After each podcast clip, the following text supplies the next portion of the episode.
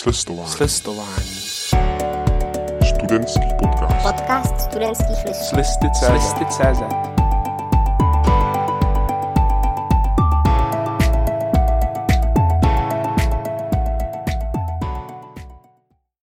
je první neděle měsíce dubna, pro nás tedy pátek, protože nahráváme dva dny předem, ale pro vás je neděle a my vás už tradičně, už můžu říct tradičně, eh, vítáme u podcastu studentských listů s listování.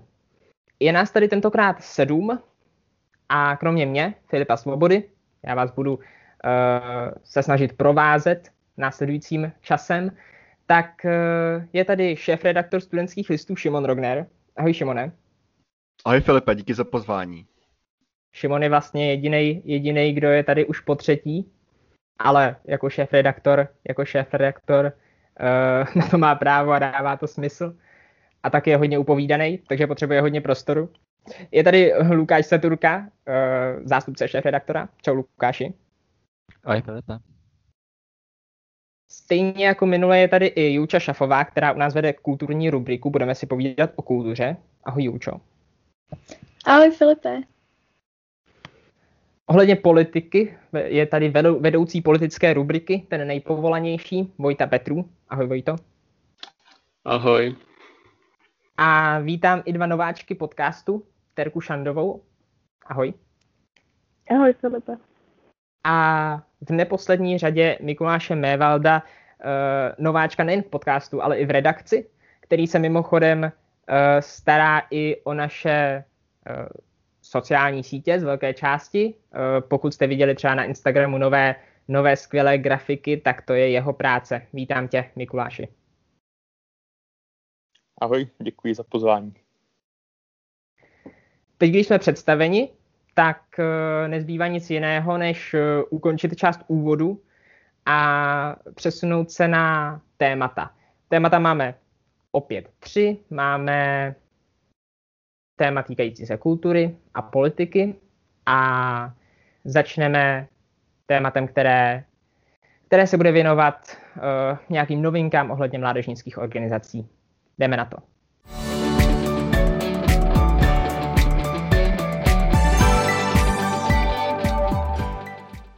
První téma, které jsme zvolili, tak je takové lehce kumulované. Budeme se bavit o více věcech, nejenom o jedné, ale společným jmenovatelem těchto, těchto um, novinek, informací jsou mládežnické organizace českých politických stran, a to konkrétně mladého pirátstva, už ne mladých pirátů, pozor, a mladých sociálních demokratů. Začneme piráty. A měl bych říkat už pirátstvem, protože došlo k přejmenování strany nebo té mládežnické organizace.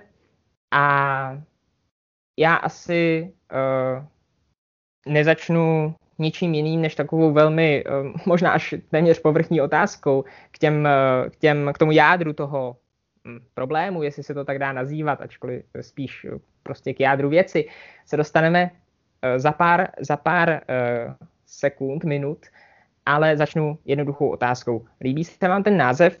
Přijde vám jako dobrý říkat mladé piráctvo? protože někomu to přes pusu nejde. Mě to, já si na to poměrně uh, těžko zvykám, ale, ale nehodnotím to. Ptám se jenom vás, jestli se vám to líbí. Uh, jo, tak uh, za mě uh, mladé pirátstvo, uh, mně se ten název uh, já nemůžu říct, jestli se mi líbí nebo nelíbí. Já si hlavně myslím, že je úplně jedno, jak se ta mládežnická organizace jmenuje. Myslím si, že je důležitý spíš to, co dělá. A jestli se nějak lehce přejmenovala, tak je mi to úplně jedno. Ale zároveň si myslím, že pokud to byla vlastně změna, pokud to měla být nějaká symbolická změna, která se snažila do té převážně nyní, řekněme, mužské organizace eh, symbolicky přilákat nějaké ženy, tak, si, tak v tom vůbec nevidím žádný problém. Já asi s Vojtou souhlasím, já si myslím, že um, vlastně hlavně to je na přímo, myslím, že to hlavně odvíjí od toho, co chtějí ty jejich členové té mládežnické organizace. Že jako nám to do, do toho asi nic moc jako není. Samozřejmě se o tom můžeme nějak bavit, jestli to teda jako je nějaký vlastně snaha se zalíbit nějakému to ví, jako obecně té snaze uh, vlastně ve všech oblastech života uh, nějakým způsobem um, změnit ten jazyk, aby byl jako více inkluzivní třeba i právě pro ženy. Um, ale budu souhlasit s Vojtou v tom, že asi spíš by mě zajímalo, co třeba konkrétně budou dělat pro to, aby zlepšili podmínky žen v různých oblastech života a pak se můžeme bavit o tom, jestli to jsou platy rovný, jestli to, je, jestli to jsou nějaké jiné věci. Uh, tak by mě spíš zajímalo, co budou oni prosazovat, co budou oni chtít udělat a hlavně, co teda bude chtít udělat jejich, jejich vlastně mateřská strana, tedy Piráti. Ale z mého pohledu teda je to na nich, uh, jak se budou jmenovat a a mě ten název vlastně vůbec nevadí. Ty si teďka skvěle, Šimon, na, na, nadhodil několik, několik témat, několik uh, potenciálních dotazů, které bych mohl uh, vyřknout. Začal bych asi tou inkluzivitou, inkluzí, protože uh, místo předseda, uh, místo předseda uh, teď se nemůžu vzpomenout na křestní jméno, to se omlouvám, příjmením Holodňák, tak uh, jako oficiální důvod toho přejmenování uh, jmenoval uh, to, že původní název Mladí Piráti nepůsobí, no, působí neinkluzivně, doslova, abych ho citoval. Ne, působí neinkluzivně vůči, vůči všem možným um, pohlavím, mužům, ženám a uh, lidem, kteří se definují případně jinak, tak um, jsou mladí piráti neinkluzivní a ono se to týká tedy e, i té, i té e, politické strany, že ano, protože to jsou prostě piráti, tak e, je to problém? Uh, jo, tak uh, podle mého názoru tam byl, zazněl v té debatě, která probíhala na tom pirátském fóru uh, mladých pirátů, k, tak tam zazněl jeden zajímavý, zajímavý názor od europoslankyně Markety Gregorové, která je taky uh, členkou Mladých Pirátů a ta vlastně uh, říkala takový příměr, že který muž by se přihlásil do organizace, která se jmenuje Mladé Pirátky. A takže to je vlastně takové, že která žena by se teda měla hlásit do organizace, která se jmenuje Mladí Piráti. Samozřejmě muž v českém jazyce má ten mužský rod, tu všeobjímající funkci, ale myslím si, že minimálně, minimálně je to určitě k zamyšlení a, a to, je asi, to je asi všechno, co jsem k tomuhle chtěl říct. Já vím, že jsi to, vím, že jsi to řekl, ale, ale ta oponentura je poměrně zřejmá. Uh, když řeknu, že tady mám uh, hosty, tak uh, neříkám hosty a hostky, ale je zřejmé, že tady jsou muži i ženy, takže tohle je ta oponentura, ten, to, co říkají kritici toho názvu, ale chápu, že jsi to zmínil a že si řekl, že je k zamyšlení, jak to, jak to vnímat, ale to je asi problém nejenom pro mladé, mladé pirátstvo, ale v zásadě pro celou naši nějakou společnost.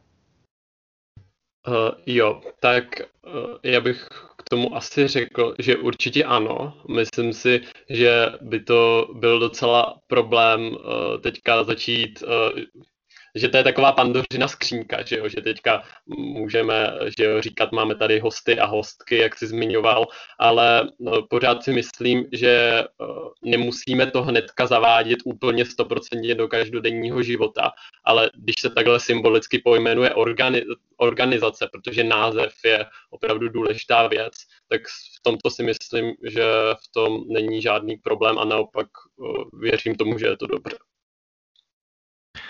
Já jsem právě chtěl říct to, co vlastně Vojta zmínila, to, co si pak ty zmínil i ty, Filipe, že to asi hodně souvisí s tím, že eh, obecně takhle funguje čes, český jazyk, teda, že uh, ty většinou ty názvy jsou teda mužského rodu, proto vlastně, proto si myslím, že mě by ten název, když by zůstal stejný, to znamená Mladí Piráti, vlastně nevadil. Myslím si, že to není jako, že by nějak odrazoval nebo já nejsem v té situaci, tak nemůžu úplně třeba říkat jako stoprocentně, ale myslím si, že to není jako, že by asi někdo nechtěl vstoupit do té organizace, protože tam teda ten název v mužském rodě. Jestli to třeba pomůže tomu, že teda se více žen zapojí do politiky i na, ten, i na tyhle úrovni mládežnických organizací, je otázkou. Jestli to tak bude, tak je to asi dobře, nic proti tomu.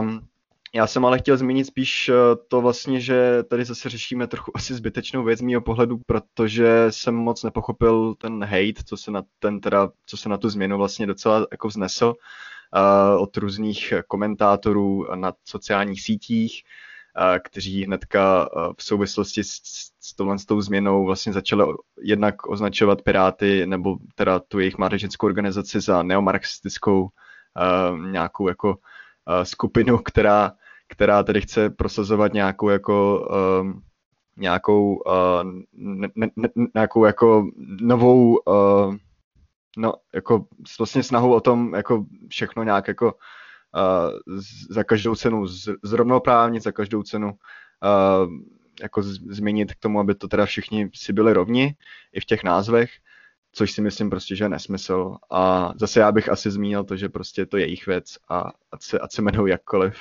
pokud to není úplně něco pohoršujícího, tak mi to vlastně nevadí. Ty si v počátku, v počátku toho, co jsi teďka říkal, tak si uh, trošku předběhnul mou poslední otázku týkající se pirátů a pirátstva. Uh, každopádně ji stejně položím, kdyby ještě někdo chtěl, chtěl se k tomu vyjádřit. Uh, piráti, a teď myslím Piráty jako stranu, tak mají um, momentálně kolem 23% žen, což eh, není mnoho. A ten, ten cíl, ten cíl uh, mladých pirátů přilákat do politiky i mladé ženy, tak je, uh, tak je na snadě. Tak se chci zeptat, jestli si myslíte, že tohle může pomoct. Možná, možná uh, ta otázka nemíří teďka jenom na Šimona nebo Vojtu, ale třeba i třeba i na holky, jestli tohle to vnímáte jako, jako nějaký projev toho, že ta strana je že nám otevřená. Eh, já si myslím, že eh, je to věc, která není úplně nutná. Ta změna názvu neřekla bych, že je úplně nutná.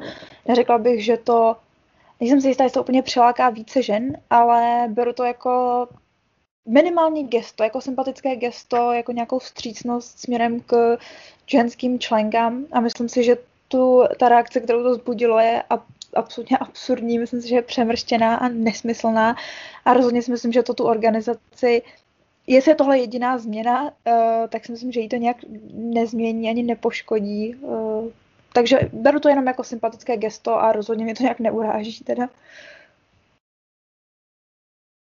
Já souhlasím určitě jednak s Julčou a jednak si teda myslím, že ženy rozhodně nepotřebují uh, nepotřebují se dostat do nějaké organizace pouze na základě toho, že se bude jmenovat uh, tak, jak jim to v podstatě vyhovuje. Takže já si myslím, že ženy určitě můžou být kdekoliv chtějí, pokud na to mají, pokud mají svůj názor, mají nějaký hlas a nemusí se ta organizace jmenovat jenom nějak, jako aby to někoho přilákalo. Takže určitě je to podle mě taky přenaná reakce a vůbec není zapotřebí řešit nějaký název, protože každý vlastně má možnost a právo být prostě kdekoliv, kdekoliv chce. Super, díky za, za názory. A abychom se nebavili tady 20 minut jenom o uh, nějaké změně názvu, tak uh, tak se přesuneme k sociálním demokratům, mladým sociálním dema, demokratům, kteří si přednedávnem zvolili nové vedení. Předsedou se stal Tomáš Ulrich a na tom, na tom uh, sněmu tak vystoupil, vystoupil třeba uh, předseda strany uh, Hamáček nebo ministr zahraničí Tomáš Petříček, kteří se mimochodem budou oba ucházet o křeslo předsedy strany společně s Kateřinou Valachovou, která to taky oznámila před několika dny. A mladí sociální demokraté si vytyčili nějaké cíle, nějaké mm, body programové a mezi ty patří typicky sociálně demokratické body, a, ale také body třeba eko, ekologické, jako, jako zaměření na boj s klimatickými změnami, což je, což je pro mládežnické organizace a obecně, obecně uh, mladé lidi momentálně důležité téma a je to příznačné.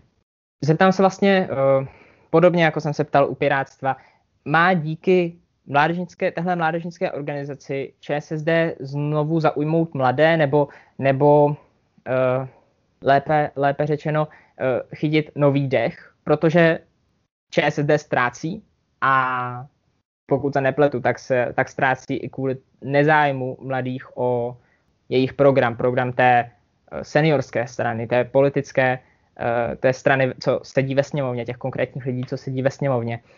Tak jak vnímáte tu mládežnickou organizaci? I, klid, i třeba teďka po té, po té změně ve vedení a vytyčení nových programových bodů. Uh, jo, tak uh, podle mě, já bych tě jenom pro začátek trošku opravil, že uh, předseda nový mladých sociálních demokratů se jmenuje Lukáš Ulrich, ale to je taková, taková drobnost.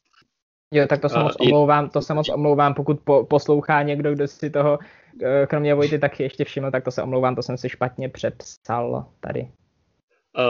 Každopádně, co se týče té otázky, um, tak já si myslím, že pro dnešní mladé, že pro, když jsem mladý, když si představím mladého levicového člověka, tak pro ně je prostě problém, když ČSSD jako v současnosti dělá ve vládě, uh, když to tak řeknu, rohošku nějakému oligarchovi. Jo. Takže si myslím, že kdyby, eh, že hlavní jako něco, čím by ČSSD mimo jiné měla zaujmout voliče, tak to je něčím, že nebude prostě ve vládě s hnutím ano, když to tak řeknu.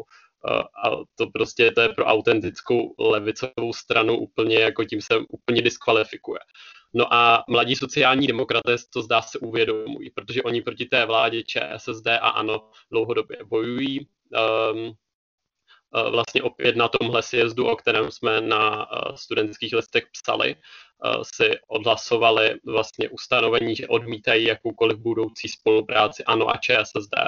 A zároveň, zároveň si když před dvěma lety v ČSSD probíhalo referendum o vstupu nebo nevstupu do koalice s hnutím ANO, tak mladí sociální demokraté si v interním referendu Eh, tohle odmítli, i když celá strana si to odhlasovala.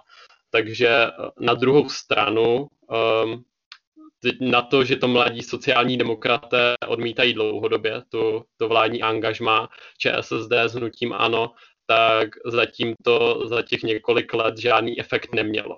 Takže k tvojí otázce, jestli to může nalákat ta aktivita mladých sociálních demokratů nějaké mladé voliče, tak nevím úplně.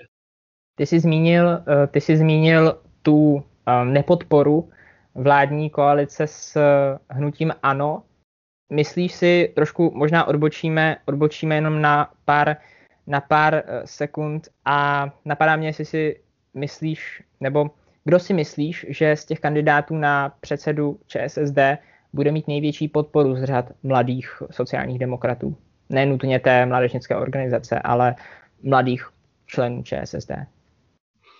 Mm-hmm. Uh, myslím si i z toho důvodu, že jsem uh, právě nedávno dělal rozhovor s jedním z členů uh, předsednictva mladých sociálních demokratů, který uh, vlastně, vy co to posloucháte v neděli, tak ten rozhovor už včera vyšel. Uh, tak a, a takže si ho určitě přečtete, ale t, s Janem Procházkou, tedy místo předsedou mladých sociálních demokratů, a ten tam vlastně zmiňuje, že jemu by se jako s předsedou nebo předsedkyní nejlépe spolupracovalo buď to s Kateřinou Valachovou nebo s tím čtvrtým, ale méně známým kandidátem do vedení ČSSD Břetislavem Štefanem, protože to jsou dva, kteří nesedí v současné vládě s hnutím ANO na rozdíl od uh, Jana Hamáčka, který tam ČSSD přivedl a Tomáše Petříčka. A myslím si, že tenhle názor bude, nechci mluvit za mladé sociální demokraty, ale myslím si, že tenhle postoj tam bude takový roz.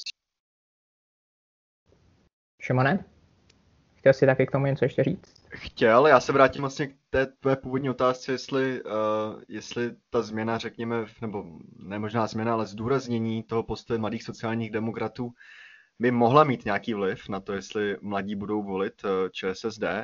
Já si teda myslím, že se vší úctou k mladým sociálním demokratům o nich nejspíš nikdo nikdy neslyšel a nejspíš teda ani neuslyší, což, uh, což není jako nějaká urážka ani útok, ale Myslím si, že to tak je a to hlavně proto, že lidi a myslím si, že mladí lidi asi vnímají ČSSD uh, především přes tu postavu předsedy, logicky přes postavu předsedy Jana Hamáčka a ten si přiznejme asi není jako jejich úplně nejoblíbenějším politikem. Uh, proto si myslím, že to v podstatě bude mít nulový vliv. Uh, to je, to je jednak první věc. Druhá věc, chtěl jsem vlastně taky souhlasit s Vojtou v tom, že pokud teda někdo z těch současných, nebo z těch, kteří se ucházejí o předsednický post v ČSSD, by mohl zaujmout mladší lidi, tak asi bych sázel právě na Kateřinu Valachovou, která obecně, která by, myslím, mohla představovat takovou jako příjemnou změnu i v té vlastně vizuální stránce ČSSD.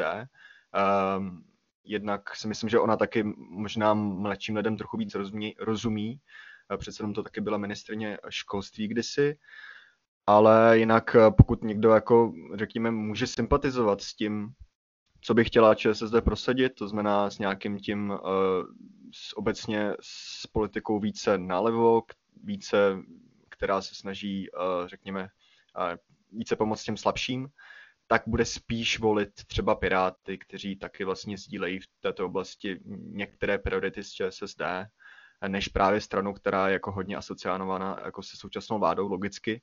A i když se teda Jan Hamáček hodně snaží, že, že občas se snaží eh, vystupovat jako opoziční politik, tak, eh, tak to je prostě vládní politik a myslím si, že mladí Andreje Babiše prostě a obecně tu dnešní vládu eh, vůbec nemusí a to platí teda i o ČSSD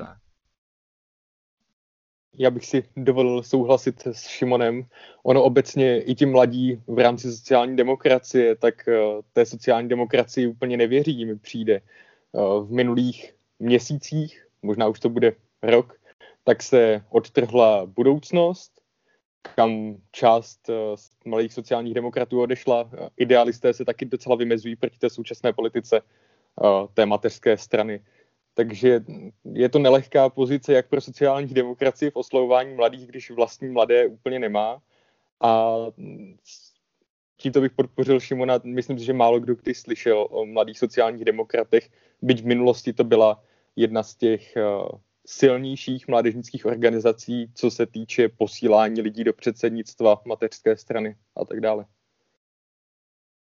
Tak jo, já myslím, že to bylo uh, příjemné zakončení, zakončení prvního tématu, ve kterém jsme se věnovali mladému piráctvu a uh, mladým sociálním demokratům.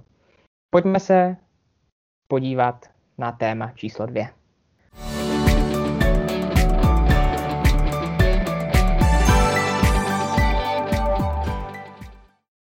Druhé téma se bude týkat kultury a to konkrétně udílení cen při příležitosti Českého lva na začátku března, při příležitosti eh, zveřejnění nominací na Oscary nebo třeba taky udílení cen Grammy.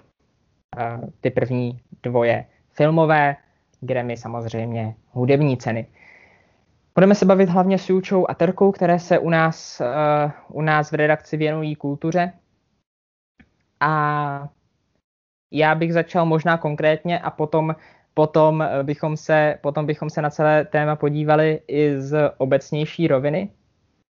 Ale proběhl Český lev už před nějakou dobou a vyhrál, hlavní cenu získal šarlatán, když tak mě opravte, ale byl to šarlatán a nejvíc, nejvíc sošek si odnesla krajina ve stínu a velmi úspěšný byl i dokument v síti, který zaznamenal uh, snad úplně v každé v republice a zaznamenali ho podle všeho i v Německu, kde se rozhodli ho napodobit až příliš přesně. Každopádně, má otázka zní, když si přečtete, že tyhle filmy české získaly to ocenění toho českého lva, co to znamená? pokud jste je třeba neviděli, byste pravděpodobně tyhle filmy viděli, ale pokud byste je třeba neviděli, znamená to, to je dobrý film, ten musím vidět? Uh, já si myslím, že to neznamená, to je dobrý film, ten musím vidět, ale myslím si, že to znamená, že ten film je nějakým způsobem důležitý. Řekla bych, že u Českého lva i víc než třeba u Oscarů uh, se často vybírají filmy, které opravdu něco znamenají. Třeba u toho dokumentu v síti bych řekla, že to je krásně vidět, že ten film, uh, aniž bychom se bavili o nějakého kvalitě, o způsobu zpracování nebo něco, tak otvírá celospolečenské téma, které je hrozně důležité a je to je to film, který by si zasloužil za tady to úplně každý ocenění světa, za to, že Eh, rozvíjí nějakou debatu. A myslím si, že o tom přesně ty ceny jsou, eh, kromě toho, že, nebo mnohem více než to, že si řekneme, tenhle film je nejlepší a tenhle film je horší, že si řekneme, tenhle film něco rozvíjí. Stejně jako Krajina ve stínu. Krajina ve stínu podle mě krásně otevírá diskuzi o něčem, co je docela citlivé téma a proto si myslím, že jsou ty ceny důležité. Spíš než proto, že bychom si řekli, tohle je dobrý, tohle je špatný. Tak uh, já si osobně teda myslím, že, že ocenění není něco, co ten film vlastně učiní kvalitní a dobrý. Jelikož my takhle jako i mladí lidé a, a, a lidé, co jsou kolem nás, i starší, nepotřebujeme uh, vědět, že nějaký film je, jenom proto, že má nějaké ocenění. Dokážeme si vlastně předat nějaký názory na ty filmy a rozhodně si nemyslím, že pokud vlastně vytvářím nějaký projekt, nějaký film, tak bych to dělala za cílem toho, že za to získám nějaký ocenění. Myslím si, že je spousta filmů, který by si zasloužili nějaké ocenění, ale nemají ho. A je spousta autorů, kteří se snaží úplně stejně a pracují se stejnou profesionální technikou a pracují na stejné bázi jako ostatní autory a snaží se a dávají do toho úplně všechno a ocenění třeba nezískají. A může to buď odradit, nebo se o nich lidé tak moc nedozví. A to je, jednak si myslím, že je to trošku škoda pro ty autory, kteří se taky takhle moc snaží, ale zároveň k čemu vlastně, k čemu vlastně ocenění. Jako záleží, že se bavíme, jestli je to jako užitečný pro ty lidi, co to vytvářejí, nebo je to užitečný pro ty lidi, co se na ty filmy potom koukají. Ale nemyslím si, že uh, to ocenění má nějaký jako obrovský hodnoty. Chápu, že to může znít trošku jako kontroverzně, ale uh, přece jenom, když se na to podívám trošičku jako s nadhledem, tak vidím, že, že ty autoři nepotřebují mít nějaký hmotný ocenění, že vědějí, když ten film je dobrý, když předá nějakou myšlenku a něco, co těm lidem prostě dá a řekne jim to, tak, uh, tak si myslím, že to ty autoři určitě ví. Juča jako, uh, a tím ti nechci oponovat, chápu, co, chápu, co uh, říkáš, každopádně Juča jako jeden z, uh, z jedno z pozitiv oceňování uh, uvedla, nebo prostě říkala, že, uh, že upozorňuje vlastně na, na nějaké problémy, jestli jsem to dobře pochopil, vys prostě dokument v síti, který, který by se i podle mě měl rozšířit do co, eh, k co nejširšímu publiku. Eh, já jsem psal o Grammy, takže jsem, takže jsem sledoval Grammy vlastně relativně výjimečně. Já Grammy nebo vůbec to ocen, ocen, oceňování příliš nesleduju. Přečtu si třeba, kdo vyhrál Oscara, ale, ale ne nějak víc. Každopádně jsem psal o Grammy. Prošel jsem si, uh, prošel jsem si kdo co, kdo co získal, kdo co vyhrál a nejlepší písní se stala píseň uh, I Can Breathe od uh, americký, americký písničkářky Her. A ta písnička, kromě toho, že mě se docela líbí, mě přijde dobrá uh, hudebně, tak uh, to, co člověka zaujme asi nejvíc, je to, že se velmi, velmi otevřeně hlásí ke hnutí Black Lives Matter. Um, cituje tam, uh, cituje tam uh, toho uh, Floyda, který byl, který byl usmrcen a kvůli, kvůli čemuž vlastně celé, celé to hnutí um, víceméně propuklo. Je na místě, aby Grammy vlastně tímhle způsobem upozorňovali na polit, nebo jakékoliv, jakékoliv ceny upozorňovali na mm, společenské, případně politické problémy?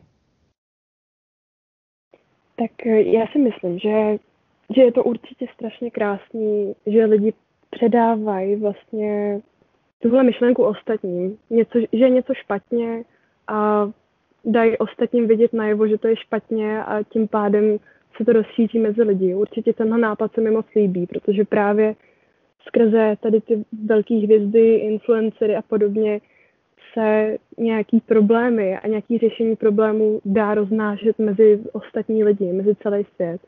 To si myslím, že je to pozitivum na to, eh, na tom, ale zároveň mě to přivádí jako k otázce, um, potřebujeme opravdu vědět, že rasismus nebo nějaký podobný jako nevyváženosti a, a narážky na lidi a, a, a mezilidský problémy jsou špatný.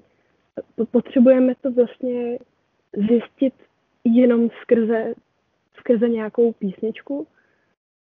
Je to, je to hezký, že se to roznáší mezi lidi i skrze takovouhle, takovou, takovouhle příležitost, jako hudbu nebo filmy, ale lidé by tohle to měli mít v sobě. Měli by, měli by to vědět, že to není v pořádku a nedozvídat se to jen vlastně skrze nějaký ocenění potom. Já si myslím, že umění už z podstaty uh, musí nebo by mělo nějakým způsobem reagovat na něco aktuálního. To znamená, že pokud teď jsou aktuální Black Lives Matter nebo rasismus, tak na to umění bude reagovat a nemůžeme s tím nic udělat a ne, ne, nemůžeme říct na Grammy nebo na Oscarech eliminujeme politickou kulturu, to prostě nejde. Takže a já vlastně nevím, jestli je to dobře nebo špatně, ale prostě tak to je a asi s tím nic neuděláme. Napadá mě, uh, jestli a odpověď nechci předvídat, ale myslím si, že trošku tuším, ale uh, jestli uh, vidíte rozdíl zásadní mezi uh, skutečnými oceněními, tak uh, těmi nejprestižnějšími uh, Oscary, českými lvy a podobně, a anketami popularity, bys prostě třeba Slavík, uh, kolem kterého se začalo hodně kontroverzí, a možná eh, vzhledem k tomu, že, jak už jsem řekl, trošku, trošku tuším, tuším, jak ta odpověď bude znít, tak se zeptám, jestli vidíte nějaké pozitivum, něco, v čem, je, v čem jsou ankety popularity lepší, nebo v čem, v čem třeba jsou dál než, eh, než ocenění od odborné poroty. Uh, tak já si myslím, že asi ideální premisa uh, anket eh, nebo těch jako odborných soutěží je to, že by to měla hodnotit nějaká odborná porota. Jako seznam filmů na Oscarech eh, nebo seznam nominací na Oscara sestavují lidi z oboru. To znamená, že spisovatelé, scénáristi vybírají nominace na nejlepší scénář a tak dále, a tak dále, a tak dále. Uh, otázka je, jsou ty lidi vážně odborníci? Samozřejmě v ideálním světě ano, Zároveň je pravda, že třeba na těch Oscarech se ne tak často úplně netajíme tím, že ne všichni viděli všechny ty filmy. Takže člověk, který vybírá nejlepší animovaný film, často viděl třeba jenom dva z nich, což je samozřejmě špatně.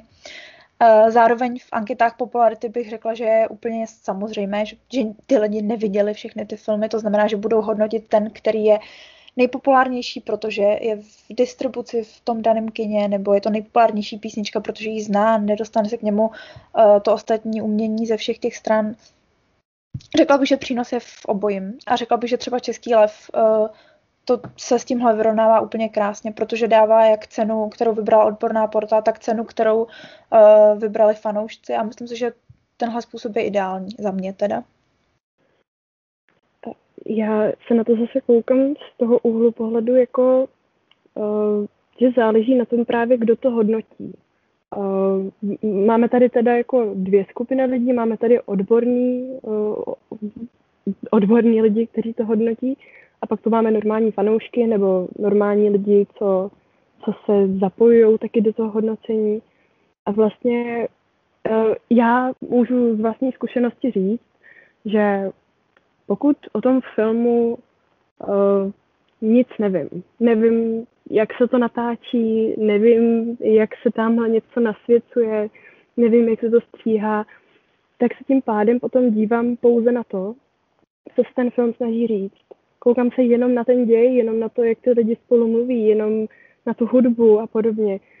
Ale potom, pokud jsou tu, pokud bych byla odborný člověk, což samozřejmě nejsem, ale uh, do filmu jsem sama, sama za sebe teda můžu říct, že jsem trošku nahlídla i do, uh, i do vytváření toho filmu, tak už se potom na ten film vlastně nekoukám jako normální fanoušek, jako normální člověk v kině. Vždycky, když se potom koukám na ten film, tak ne po každý, ale vidím ten film úplně jinýma očima, než třeba uh, moje máma. koukám se na to prostě jako, jak se to dělalo a ani úplně potom třeba opomíjím nějak to, co se mi ten film snaží říct a na něco i během toho zapomenu. Takže si myslím, že někdy může být i lepší, když to hodnotí normální lidi, kteří nejsou úplně odborně vzdělaný v tom, protože to hodnocení potom vyjde vlastně úplně jinak. To je teda můj názor. No a e, má závěrečná otázka. Dá se umění vůbec hodnotit objektivně, protože my tak nějak předpokládáme, že to hodnocení od odborníků by mělo být co nejobjektivnější. S tím problémem jsme setkáváme, setkáváme uh, běžně i, i my, když píšeme prostě na web nějakou recenzi, tak, uh, tak si říkáme, ta recenze je subjektivní, ale zároveň by měla být co nejvíc objektivní a vlastně se to bije a a pokud si ten autor neuvědomí prostě, jestli píše subjektivně, objektivně, kde, kde se snaží, eh, kde projevit nějaký svůj osobní názor, osobní preference a kde naopak jít podle nějakých obecných pravidel, tak potom, potom eh, to nemusí působit úplně dobře. A tak mě zajímá, jestli se tohle neděje právě v těch anketách, jestli, nebo anketách v těch uh, oceněních, jestli ty odborná, jestli ta odborná ocenění nejsou v zásadě taky jenom anketou popularity, ale mezi těmi odborníky, protože vždycky to bude subjektivní. Uh, já si myslím, že umění se nedá hodnotit objektivně, ale myslím si, že s tím, je, s tím bylo vytvořeno. A samozřejmě uh, ty ocenění um, pracují s tím, že těch odborníků je tam hodně, takže by se to mělo, ty rozdíly by se měly nějak smazat což bych řekla, že dost často taky vede k tomu, že vyhrávají často filmy nebo vyhrávají díla, která jsou nějakým způsobem bezpečná, že třeba eh, na těch Oscarech prostě existuje formule, jak vytvořit film, který bude pravděpodobně vítězný. Většinou to vyhrávají pořád ty stejné filmy. Když se podíváme do posledních 20 let, tak ty filmy jsou si víceméně extrémně podobné, jako žánrově, délkou, eh, tím, o čem pojednávají a podobně.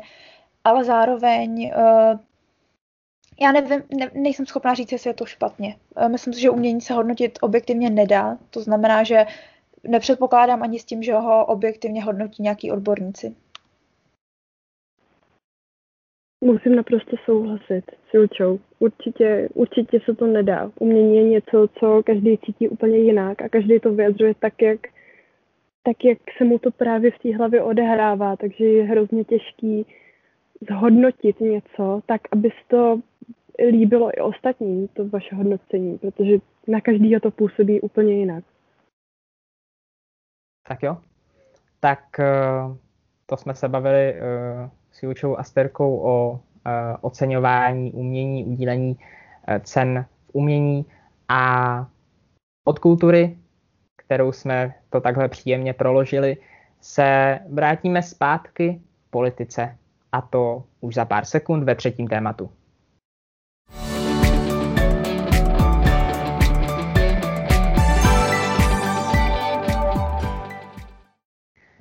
Třetí téma máme interně, a teď vám to prozradím, máme interně nazvané jako politická škatulata. Bude se věnovat eh, událostem mm, konkrétních politiků eh, nebo událostem ohledně týkajících se konkrétních politiků, kteří opouští svou stranu nebo končí se stranou úplně, nebo mění své působiště. Prostě se toho stalo v posledním měsíci poměrně dost a hlavně jsou ty změny poměrně, poměrně výrazné. První, komu se budeme věnovat, tak je odchod eh, starosty, starosty Novotného, starosty Řepojí z ODS. Ten tedy ještě neodešel, on jenom avizoval, že odejde po uh, volbách, které se uskuteční na podzim, parlamentních volbách. A jako, jako důvody uvedl, uvedl uh, to, že ho strana dost nepodporuje, že ví, že nikdy nebude umístěn na kandidátku a mimo jiné, mimo jiné eh, řekl, cituju, já s tím z, Zahradilem a jeho pr ve straně nebudu, takže má problémy i s konkrétními lidmi v té, eh, v té velice rozsáhlé straně uh, občansko-demokratické. Lukáši? Tak já si myslím, že ohledně Pavla Novotného je nejvíc smutné, obecně jak to formuluje, to může jako ukazovat spoustu jako problémů v rámci České demokratické strany, že ta strana se stají brát jednotně a to díky jeho vyjádření, jak podal to jeho, cíl, jeho odhodu, může mít jako negativní jako dopad i na volby, že voliči, kteří sympatizují s Pavlem Novotným, vědí, že pak s tou stranou nebude spolupracovat. Tak uh, já bych v tomhle souhlasil s Lukášem. Já jsem uh, ještě stále spolustraníkem Pavla Novotného a přijde mi to od něj vlastně značně dětinské. On dlouhodobě má problémy jak celostátně se stranou, s různými členy mě nevýjímaje a tak má hlavně problémy doma na Praze. On ví, že na magistrát se nepodívá kvůli nějakým interním stranickým dohodám a strana nepovoluje nikomu se záznamem v trestním rejstříku kandidovat do sněmovny. To asi nedokáže překousnout, zároveň tu stranu má pravděpodobně se svým způsobem hrát a tak si myslím, že vnitřně, ale ten vnitřní souboj přenesl do médií, bojuje s touhou v té straně zůstat a dál působit. Mimochodem kandidoval na prvního místo předsedu strany na druhý nejvyšší post a tím posunout se v politice dál a nezůstat jen na té komunální úrovni doma v Řeporí. A co říkáte na to, že, že řekl, že odejde po volbách, že mu to přijde, já teď nevím, jak on přesně to řekl, solidární, čestné vůči té straně, nebo něco v tom smyslu. Um, osobně se přiznám, že jsem to vyjádření úplně nepochopil, že nevidím, co je na tom, co je na tom um, vlastně správného, že vlastně když se rozhodnu, když oznámím, že odejdu z nějaké strany, tak z mého pohledu, a já nejsem nějak politicky angažovaný, nikdy jsem nebyl, mně by přišlo rozumné odejít hned a nebýt v té straně, i když tam jako veřejně prohlašuji, že tam být nechci. Já si myslím, že je to trochu tlak na tu vlastní stranu a na tu, na tu regionální organizaci, kdy uh, on to nikomu neřekl, neřekl to nikomu ve straně a najednou začal mluvit do médií, protože tam má ten dosah. Přijde mi to jako určitým stylem jako trochu pomsta uh, těm pražským spolustraníkům, kde je například i Honza Zahradil a nepřijde mi to teda úplně fér od, uh, od Pavla Novotného, ale mm, nikdo mu nemůže říct, ať se ODS odejde, uh, byť byl Petrem Fialou vyzván po těch svých kontroverzních výrocích. A jestli chce zůstat se stranou až do voleb a jestli se chce aktivně podílet na kampani například právě v těch svých úvozovkách řeporích, jedině dobře. Já si přímě myslím, že tohle je hodně jako jeho náklosti v té straně. že asi tam jsou hodně problémy osobní a nevidí možnost svého růstu, ale furt tam jsou nějaké ideové ideové spojitosti, které má na té straně rád, ve kterých té straně věří a chtěl by už chodit pokud možno co nejméně, i když nějakým lidem nevěří, tak to si myslím, že tam hraje roli. Hodně se spekuluje, kam by mohl Pavel Novotný zamířit. Um, padají hlavně dvě strany, uh, a to Piráti a starostové. A prý už uh, někde prohlásil Pavel Novotný, že prý už dostal jednu konkrétní nabídku a že o ní uh, nebude mluvit, tak um, se zeptám, tak nějak dvojitě, eh, za prvé, kam si myslíte, že by nejvíc zapadl a za druhé, kam si myslíte, že nakonec uh, zamíří a jestli někam zamíří. Já si úplně nedokážu představit Pavla Novotného v Pirátech. To mi nějak úplně lidsky nesedí. Piráti jsou v digitalizaci trošku liberální, podstatě směr dopředu, zatímco Pavel Novotný píš konzervativní, umírněný, tomu ohledu, že jako hodí rozvážný než Piráti, to mi nesedí.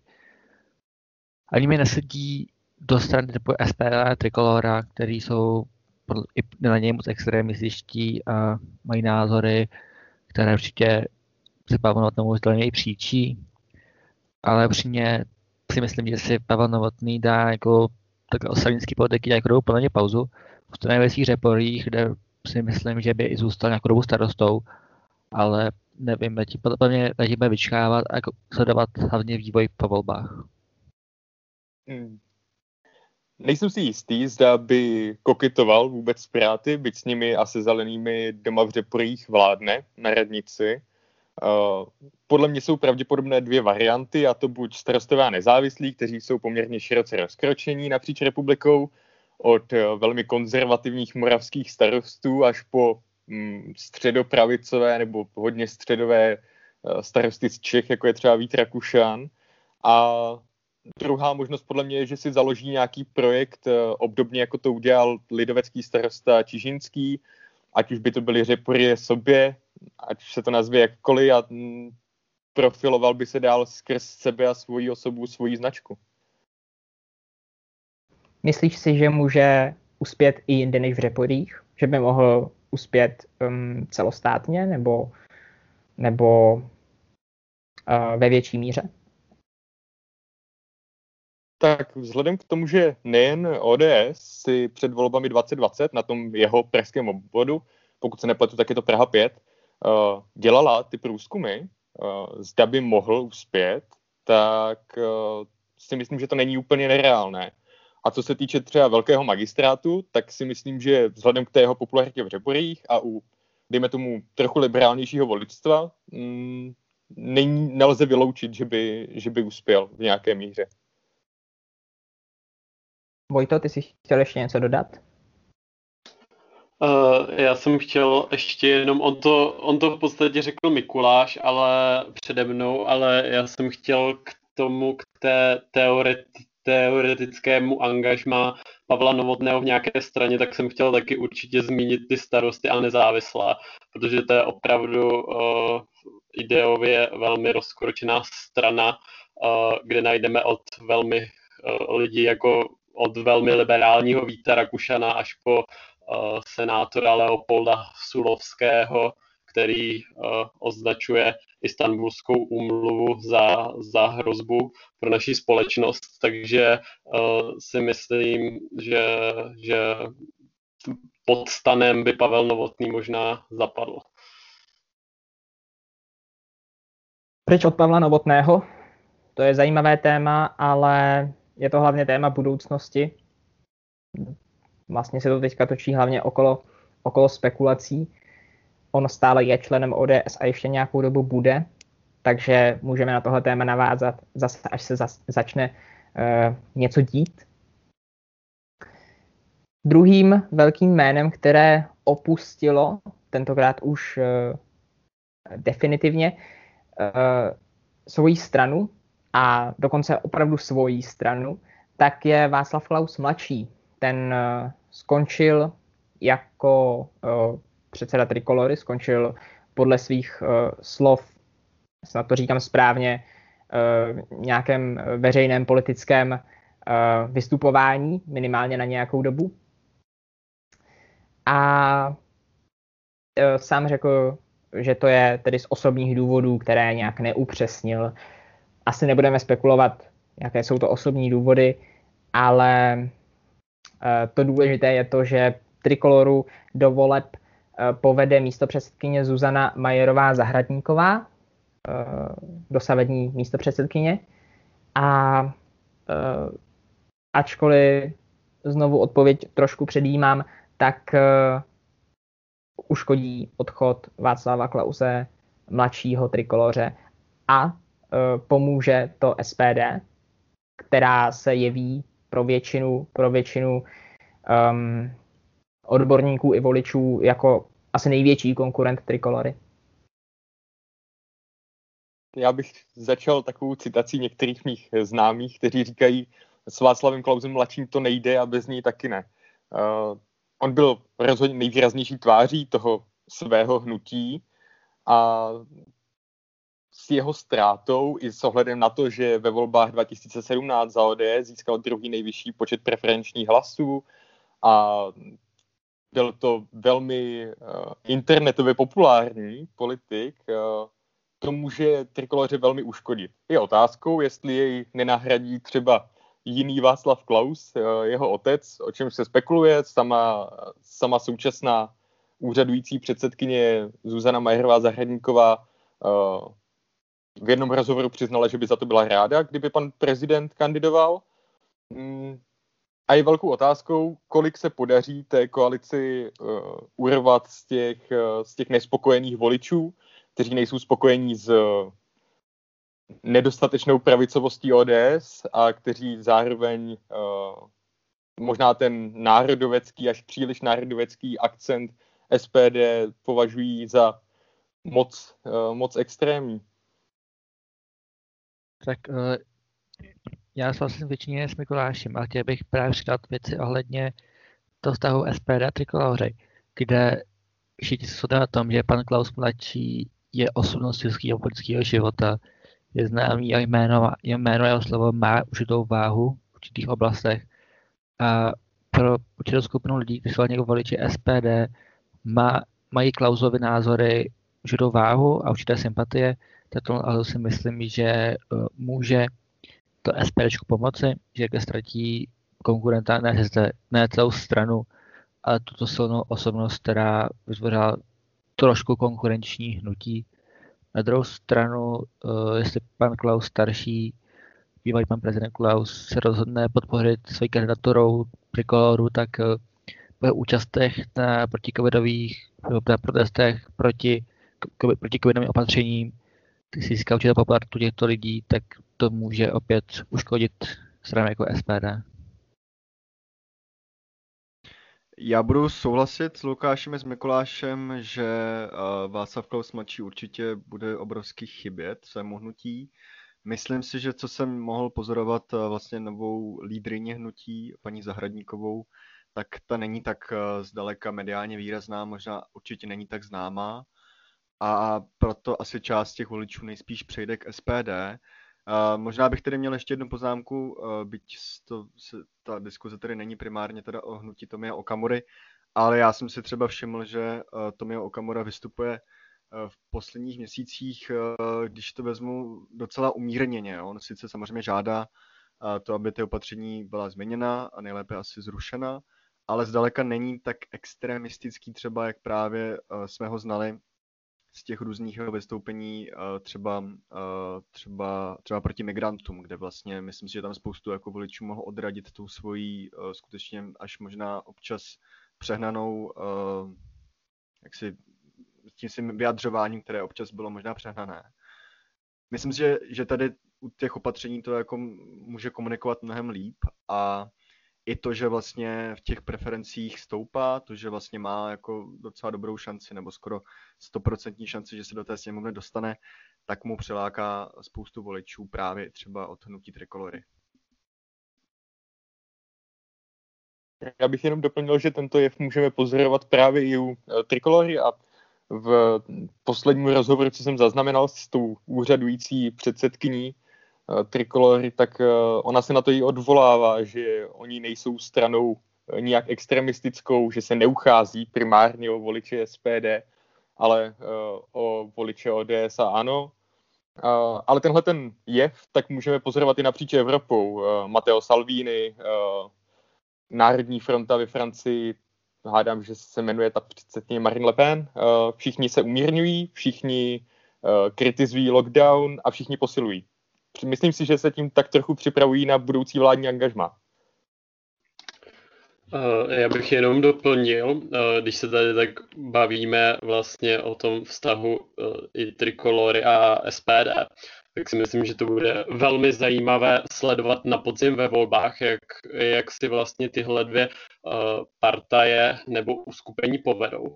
Protože zatímco SPD, řekněme, se zaměřuje na ty kulturní témata, jako odpor k uprchlíkům, k Evropské unii, uh, tak Trikolora a vlastně ty její Eh, koaliční partneři, svobodní a soukromníci. Ty se zaměřují hlavně na ekonomický program, alespoň toho, z toho, co zatím víme, nebo z těch eh, prvních zpráv, které o té jejich koalici máme. A vlastně jsou, můžeme říct, i vzhledem k tomu ideovému napojení na ty klauze, tak můžeme asi říct, že asi představují takovou jistou nostalgii po těch 90. letech. Takže z tohoto důvodu si myslím, že bude zajímavé sledovat, jestli na podzim ve volbách u té, řekněme, krajně pravicové části nebo radikálně pravicové převáží ta kulturní linka, ty kulturní témata nebo ta ekonomická.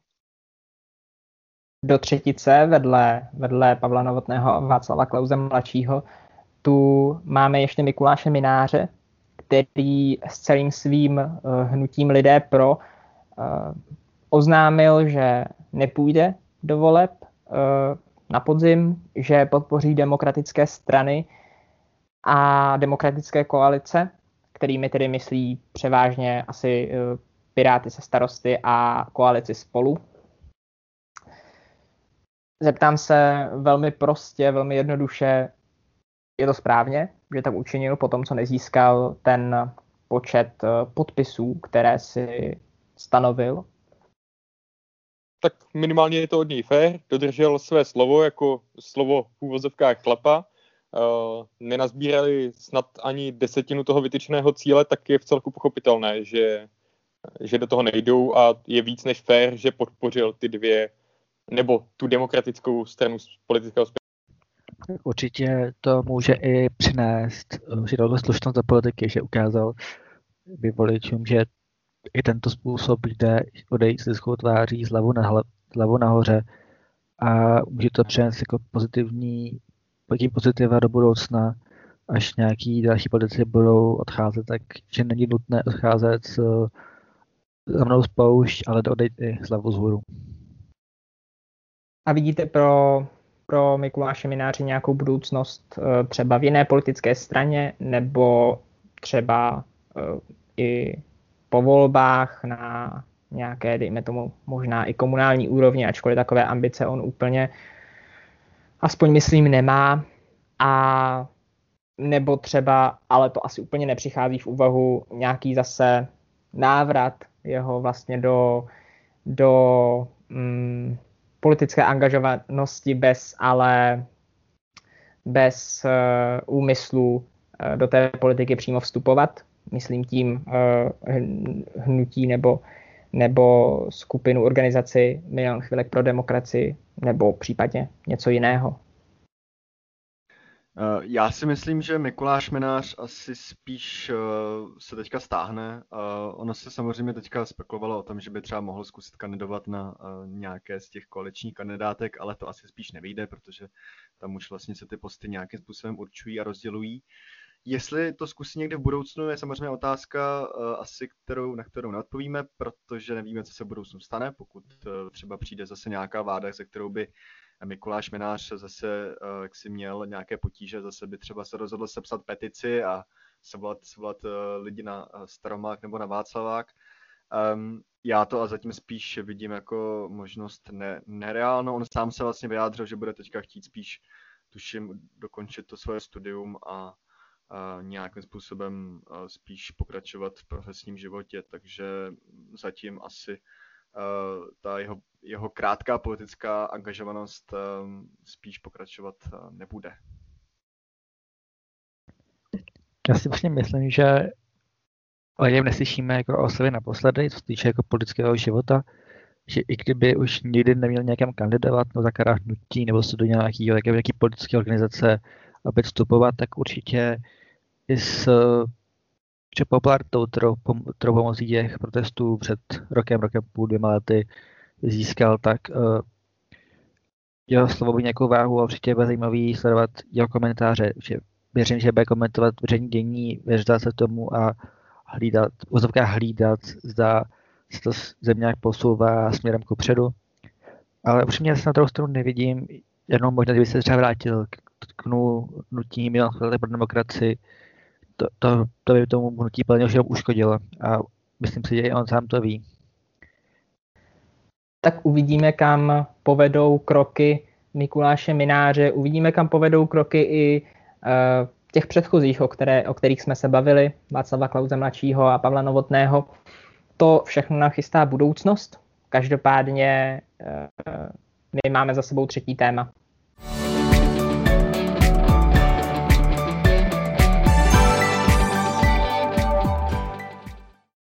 Máme probráno všechno, co jsme chtěli probrat.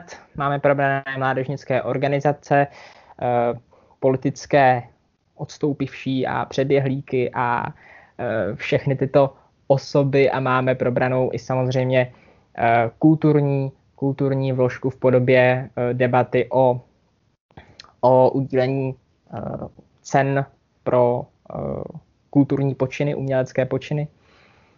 V téhle fázi jsme měli naplánováno, že bychom odpovídali na dotazy vás, čtenářů a posluchačů. Bohužel žádné dotazy nepřišly. Uh, pokud samozřejmě žádnou otázku nemáte, chápeme, že, chápeme, že nic, se na nic nezeptáte, ale přijde nám tohle jako dobrá, dobrá platforma, jak živě, nejenom textem, ale přímo takhle, takhle audiozáznamem odpovědět eh, na vaše, na vaše dotazy. Nebojte se klást nepříjemné dotazy, jsme na to připraveni, i proto je, i proto je nás na to, na to tolik tady. Takže uh, budeme, budeme moc rádi, když nám uh, pošlete nějaké dotazy na Instagramu, na Facebooku, na Twitteru, na sociálních sítích jsme, ale můžete použít i využít i náš mail, pokud máte na srdci něco obsáhlejšího. Na všechno odpovíme, ať už, ať už osobně přímo vám, pokud si budete přát, tak, eh, tak případně tady veřejně eh, ve, ve slistování. Vzhledem k tomu, že uh, nic dalšího připraveného už nemáme, tak uh, nezbývá nic jiného, než uh, ukončit definitivně třetí díl, konec trilogie, která ale bude pokračovat i čtvrtým dílem za měsíc. A, a rozloučit se, rozloučit se s vámi posluchači. Mějte se hezky, mějte hezký duben a loučím se i s vámi redaktory, redaktory studentských listů. Ahoj. Ahoj. Ahoj. Ahoj. Ahoj. Ahoj.